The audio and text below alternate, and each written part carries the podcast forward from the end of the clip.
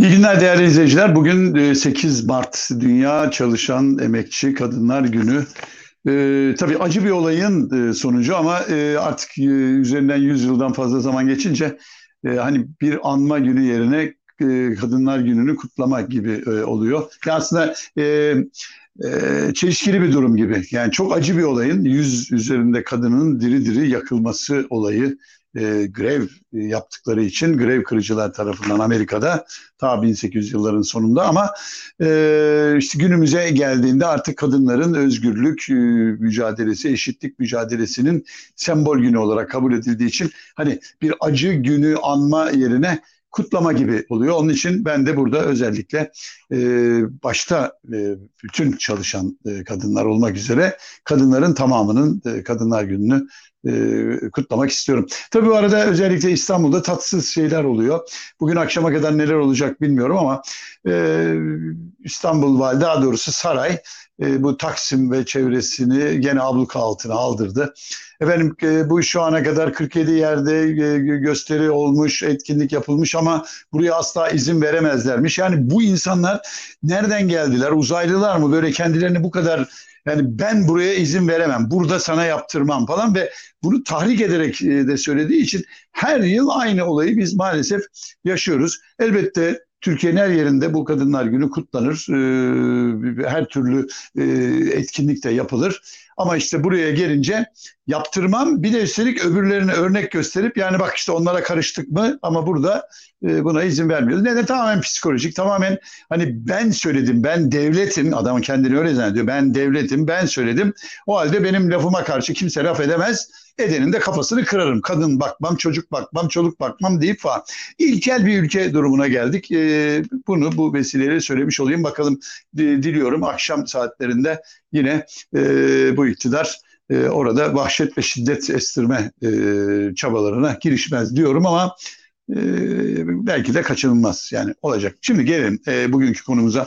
Şimdi bugün Ukrayna konusuna belki biraz alışılmışın dışında biraz da tersten girmek istiyorum. Burada bir hani Ukrayna, Rusya e, tarafı falan değil. Bakın e, son günlerde beni de çok rahatsız ediyor. Efendim e, böyle bir takım şey ağızlar var. Bu sarayın bir takım adamları Hemen şey efendim gene bölündük. İşte e, Rusya'yı tutanlar, Ukrayna'yı tutanlar, NATO'cular, Amerikancılar falan. Ya bakın bunların hiçbiri yok. Bunu yapanların hepsi e, bu ekranlara çıkıp saray adına konuşan tipler. İşte onlar böyle ya Rusya açısından ya şu açıdan falan diye.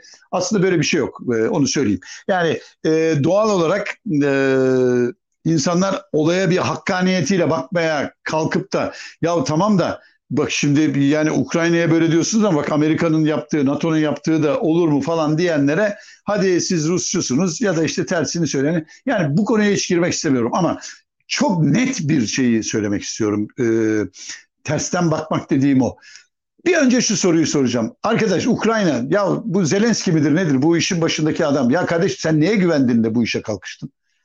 Yani şimdi bakın e, konuyu özellikle Türkiye'de ve dünyada genellikle şöyle anlıyor. Yani Ukrayna halkı var, mazlum halk direniyor, kahramanlık yapıyor ve Rusya buna saldırıyor. Biz de bunun arkasındayız. İyi de güzel de kardeşim peki sen bu işe niye girdin?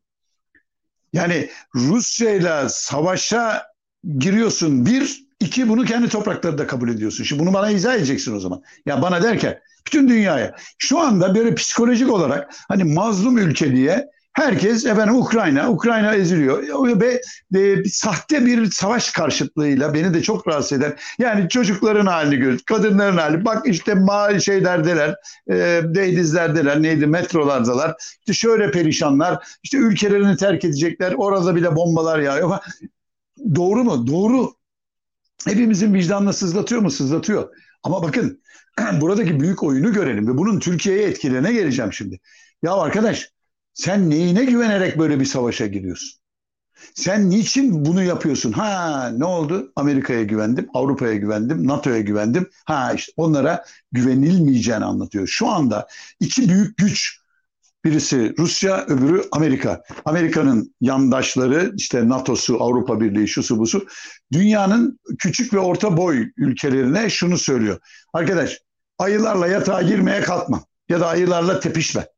Tepişirsen başına bu gelir. Şu anda Avrupa Birliği'nin de NATO'nun da aslında söylediği, hepimize söylediği bu. Şimdi gelelim Türkiye'ye. Bakın e, kaç gündür söylüyorum. Tayyip Erdoğan bu işten yararlanmaya çalışıyor. İşte e, bütün saray buna çalışıyor. Bunu biz nasıl deyimize çeviririz diye falan. Şu anda gidişatta şöyle bir şey var.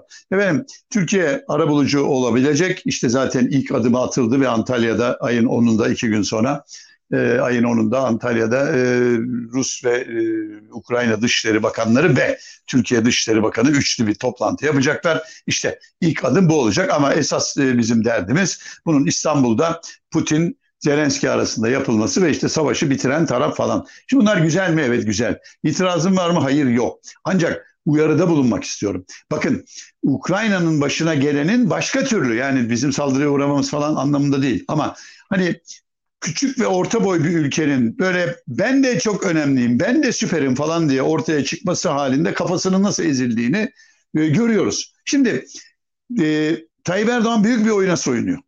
Nedir? Efendim bir tarafta NATO, Amerika, öbür tarafta Rusya. Ee, Avrupa'da dün güzel böyle bir karikatür yapmışlar. Tayyip Erdoğan böyle elini böyle bir sallıyor. Burada buraya sallıyor. Rus bayrağı buraya sallıyor. Ukrayna bayrağı yani. Hani aynı anda böyle bayraklar değişmiş gibi falan. Yani yapılan espri hani ne o ne bu. Şimdi bu bizim şeyde de bizim bakıyorum hani e, saray medyasında falan çok beğeniliyor. Yani bir denge lafı var şimdi. Efendim dengeleri çok iyi koruyan. Denge menge koruduğun yok kardeşim. Kendi kendimizi kandırmayalım. Türkiye'nin ara bulucu olması olabilir mi? Olabilir. Ama sen ben de süper güçüm, ben de şuyum, buyum diye ortaya attığın zaman hiç umulmadık bir şekilde beynimize bir şey iner. Bakın bugün Rusya savaşın tarafı Rusya'nın kredibilitesinden daha düşük hale geldi gene Türkiye'ninki. Yani oransal olarak. Yani onu dörde düşürdülerse seni sekize düşürdüler. E, eksi puanını. Hani etkileniyorsun bundan. Bunun için havana havaya girmeye ya da işte ben e, dünya güçle dünya devleri arasında ben de varım falan dediğin zaman bizim başımızın çok büyük derde gireceğini bilirim. Ukrayna aynısını yaptı. Arka neye güveniyor şu anda Tayyip Erdoğan? Türkiye'nin efendim e, e, çok biz çok önemli ülkeyiz. Bizim ekonomimiz harika, askeri olarak çok güçlüyüz. Şuyuz buyuz. Ona değil hayır. Amerika Amerika işaret ediyor. Amerika belli ki bir açık kapı bırakmak istiyor. Çünkü yeni bir dünya düzeni geliyor. Ukrayna bu işin kurbanı oldu. Bunu görelim. Onun için işte e, rahatlıkla söyleyebiliyorum. Ulan senin neyi neydi bu savaşa girmek? Şimdi mazlum edebiyatı güzel. Vay efendim e, e, e, Ukraynalı insanlara şöyle oluyor böyle. Burada acı, dövün, yakın. Buradaki bütün Ukraynalılar işte her gün gösteri yapıyorlar. İnsanlar gidiyorlar onlarla beraber gözyaşı döküyor. Bunlar hepsi hikaye. Sonuca bak arkadaş. Ukrayna'nın neredeyse tamamı yerle bir oldu. Peki bunu yapan Rusya'nın bir kaybı var mı? Ha, şimdi bakıyorum böyle bir takım aklı evveller. E, efendim işte Rusya şu kadar asker kaybetti, bu kadar tankı gitti, uçağa düştü ona seviniyorlar. Kardeşim Rusya'nın 15 tane uçağı düştü, 26 tane tankı ya da 200 tane tankı imha oldu. 1000 tane de askeri öldü. Peki dön bak bakalım Ukrayna'ya. Yerle bir oldu kardeşim. Peki ne uğruna oldu bu? Ne uğruna oldu? Herkes onu e, bir de sormalı. Bu savaş niye çıktı? Bu savaş tamamen Amerika ve NATO'nun yayılmacı e, politikalarına Ukrayna'nın alet olup nasılsa abiler arkamda ben de bu arada parsayı toplarım zannıyla ve faşist bir kafayla girdiği için işin başına bu geldi. Ha, ama savaş yıkımları nedeniyle şu anda mağdur gibi gözükmesi hepimizi üzüyor olabilir. Ama bu üzüntü gerçeğin e, bu olmadığını bize göstermiyor. Ben de kahroluyorum. Geçen akşam televizyonda ağlayacak gibi oldum o minicik yavruları gördüğüm zaman. Ama bunun müsebbibi yani buna böyle kalkıp Rusya saldırıyor, o hain, savaşa karşı falan gibi böyle sözde naif, sözde humanist e, şeylerle karşı çıkmayacağız. Bu savaşın başlamasında ve başlatılmasında sebep olan herkesten hesap sormak gerekiyor. Kendimizi de burada sorgulamak durumundayız. Nasıl konumlandık? Efendim denge politikası. Arkadaş insanlar ölüyor ve sen dengeden bahsediyorsun ve bunu bana övünerek söylüyorsun. Yani çok iyi bir şey yaptık diye söylüyorsun ama bunun bakın altında kalır. Şunu gösterdiler. Arkadaş her ülke tamam olabilirsin. Senin de kahramanın da vardır, olusun da vardır ama kararı ben veriyorum. Bakın bunu yaptılar. Yarın öbür gün aykırı bir şekilde sen de çıktığın zaman küçük ve orta boy bir ülkesen işte aklına başına gelecek olan budur. Şimdi Bağımsız Türkiye Partisi Başkanı e, Hüseyin Baş kimsenin aklına gelmeyen bir şeyi söyleyiverdi. Dedi ki Rusların nükleer şeyi var. E, tesis kuruyorlar değil mi hani e, Akkuyu'da. Peki yarın öbür gün aynı İran'a yapıldığı gibi Türkiye'ye de dönüp arkadaş sen e, nükleer bomba mı yapacaksın? Burada nükleer e, zenginleştirme yapıyorsun deyip ablukaya alsa var mı gücün? Döndük mü Ukrayna'ya? Aynı şekilde ha?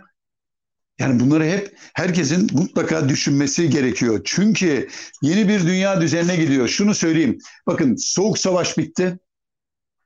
Dünyanın dengesi bozuldu. Zaten iş oradan. Ve işte bu zaman içinde ne oldu? Rusya kendini toparladı. Tekrar süper güçlüğe doğru kaydı. Bu arada uzakta Çin'de çok büyük bir güç oluştu. Ama aynı Çin Kore ve Japonya gibi Batı destekçisi ve e, hayli güçlendirilmiş ülkeler tarafından kuşatılmış. Yani Amerika'nın kolu orada var. Ama dengeler bozuldu. O halde belki yeniden bir soğuk savaşa ihtiyaç var ve Rusya ile Amerika'nın bu son yaptığı e, didişme yeni bir soğuk savaşa yol açabilecek. Yeni bir soğuk savaş demek iki kutuplu dünya demek. İşte o zaman ne İslamcı terör kalır. Bakın ben size söyleyeyim ne İslamcı terör kalır ne e, küçük ülkeler arasındaki çatışmalar ne Arap Baharı ne bilmem ne var hepsi biter. Hepsi bir anda biter. Çünkü ikinci yeni bir denge yeni bir soğuk savaş dengesi kurulmuş olacak. Geri kalan hiç kimse düşünmez bile. Bakın e, dikkat edin. E, Amerika ve Batı müthiş bir blöf yaptılar değil mi e, Rusya'ya karşı? Dediler ki yani Ukrayna'ya eğer bunu yaparsan Donbas şu bu bak çok kötü olur falan. Hepimizin beklentisi neydi? Arkadaş bunlar bir şey olursa Rusya'ya da dalabilir. Ben diyordum ki hayır mümkün değil. Ama Rusya'nın Ukrayna'ya dalması çok daha kolay. Çünkü neden? Sonuçta Ukrayna ortada zavallı bir ülke. Bakın zavallı bir ülke. Kötü anlamda söylemiyorum bunu. Zavallı bir ülke olarak orada duruyor. Koruyanı kollayanı olmayacak. NATO ile bağlantısı yok, Avrupa Birliği ile bağlantısı yok. Eski bir Sovyet Cumhuriyeti durumunda. Yarısı Rus, Rusça konuşuyor, Kiril alfabesi kullanıyor. Şimdi bu ülkeye Rusya dalar. Ama Amerika bunu koruyamaz. İşte bunu görmediler. Ve dediler ki blöf yapıyorum. Bak gelirsen çok fena yaparım. Rusya da blöf yaptı aslında. Sonra da bir düşündü. Ulan onun elinde beş benzemez var. Hani poker bilenler için söylüyorum. Benim elimde iki tane ikili var. Her durumda ondan daha güçlüyüm dedi. Aç ulan elini dedi. Amerika bir açtı beş benzemez. Daldı. Bedelini kim ödüyor? Ukrayna ödüyor. Yerle bir. O halde artık e, bizim de dünyanın da bu humanist yaklaşımları yok orada gösteri burada gösteri şimdi abuk sabuk dünyadan e, paralı askerler toplayıp oraya gö hiçbirinin bir faydası yok ki. Sokak savaşı en sonunda işçiye bakar yani çok daha e, çarpıcı nükleer demiyorum ama çok daha tahrip edici bombaya bakar. Yani sen orada direniş yapıyorum bir şey yaparsın. Öyle bir bomba yağdırır ki bir anda ortalığı cehenneme çeviriverir. Sen aa nasıl yapar? Suç bu. Dünya ya suçsa zaten şimdi müdahale et. Yani bakın hep bütün bunları kendimizi de kandırıyoruz. E ben onu yapamaz, bunu yapamaz. Yaptı. Yapacağım bir şey var mı? Zaten yapacağım bir şey varsa şimdi de yapardım. Yapamazlar. Ne e, savaşa girebilir ne bir şey. Ha girer mi? Girer ama o başka bir şey olur artık. O 3. Dünya Savaşı ve o zaman zaten sen ben yokuz. Bu nedenle Türkiye'nin çok daha aklı selim sahibi olması gerekiyor. Tayyip Erdoğan büyük bir oyuna e, soktu kendini. Başarabilir mi? Amerika'nın desteği çok güçlü olursa başarabilir.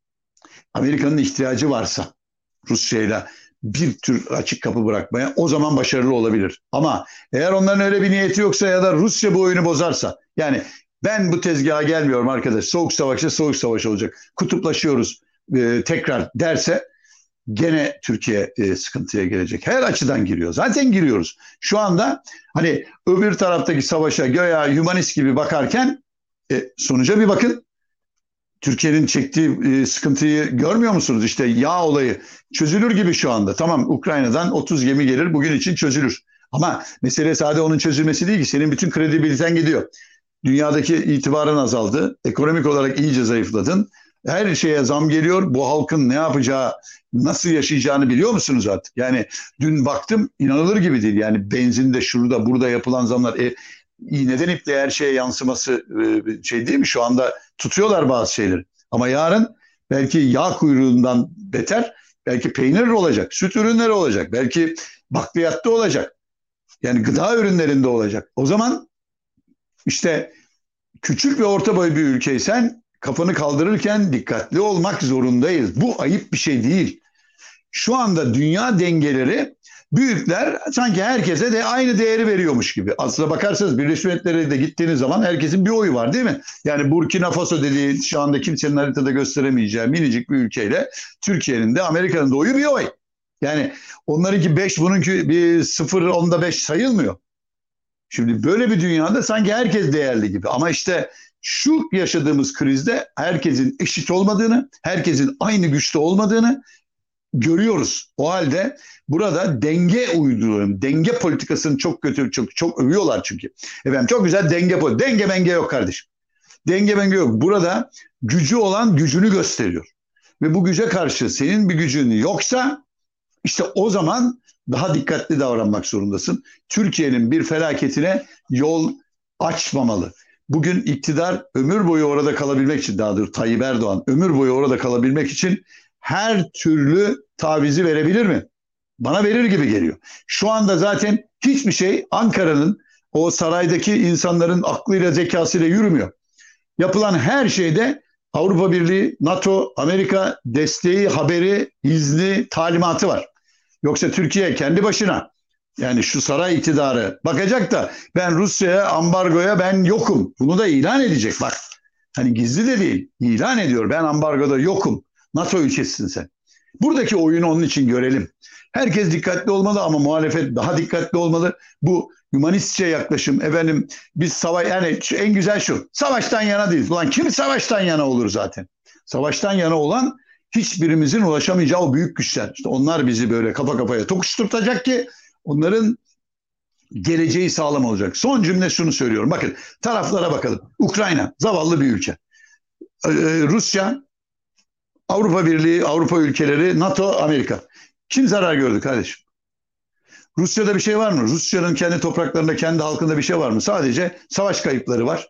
Onu da o tür ülkeler diyor ki kardeşim savaşıyoruz. Savaş kayıp nedir? İşte askerleri ölüyor. Kaç tanesini bilmiyoruz. Bir de silah mühimmat araç kaybediyor. Amerika'ya bak. Var mı? Hiç yok.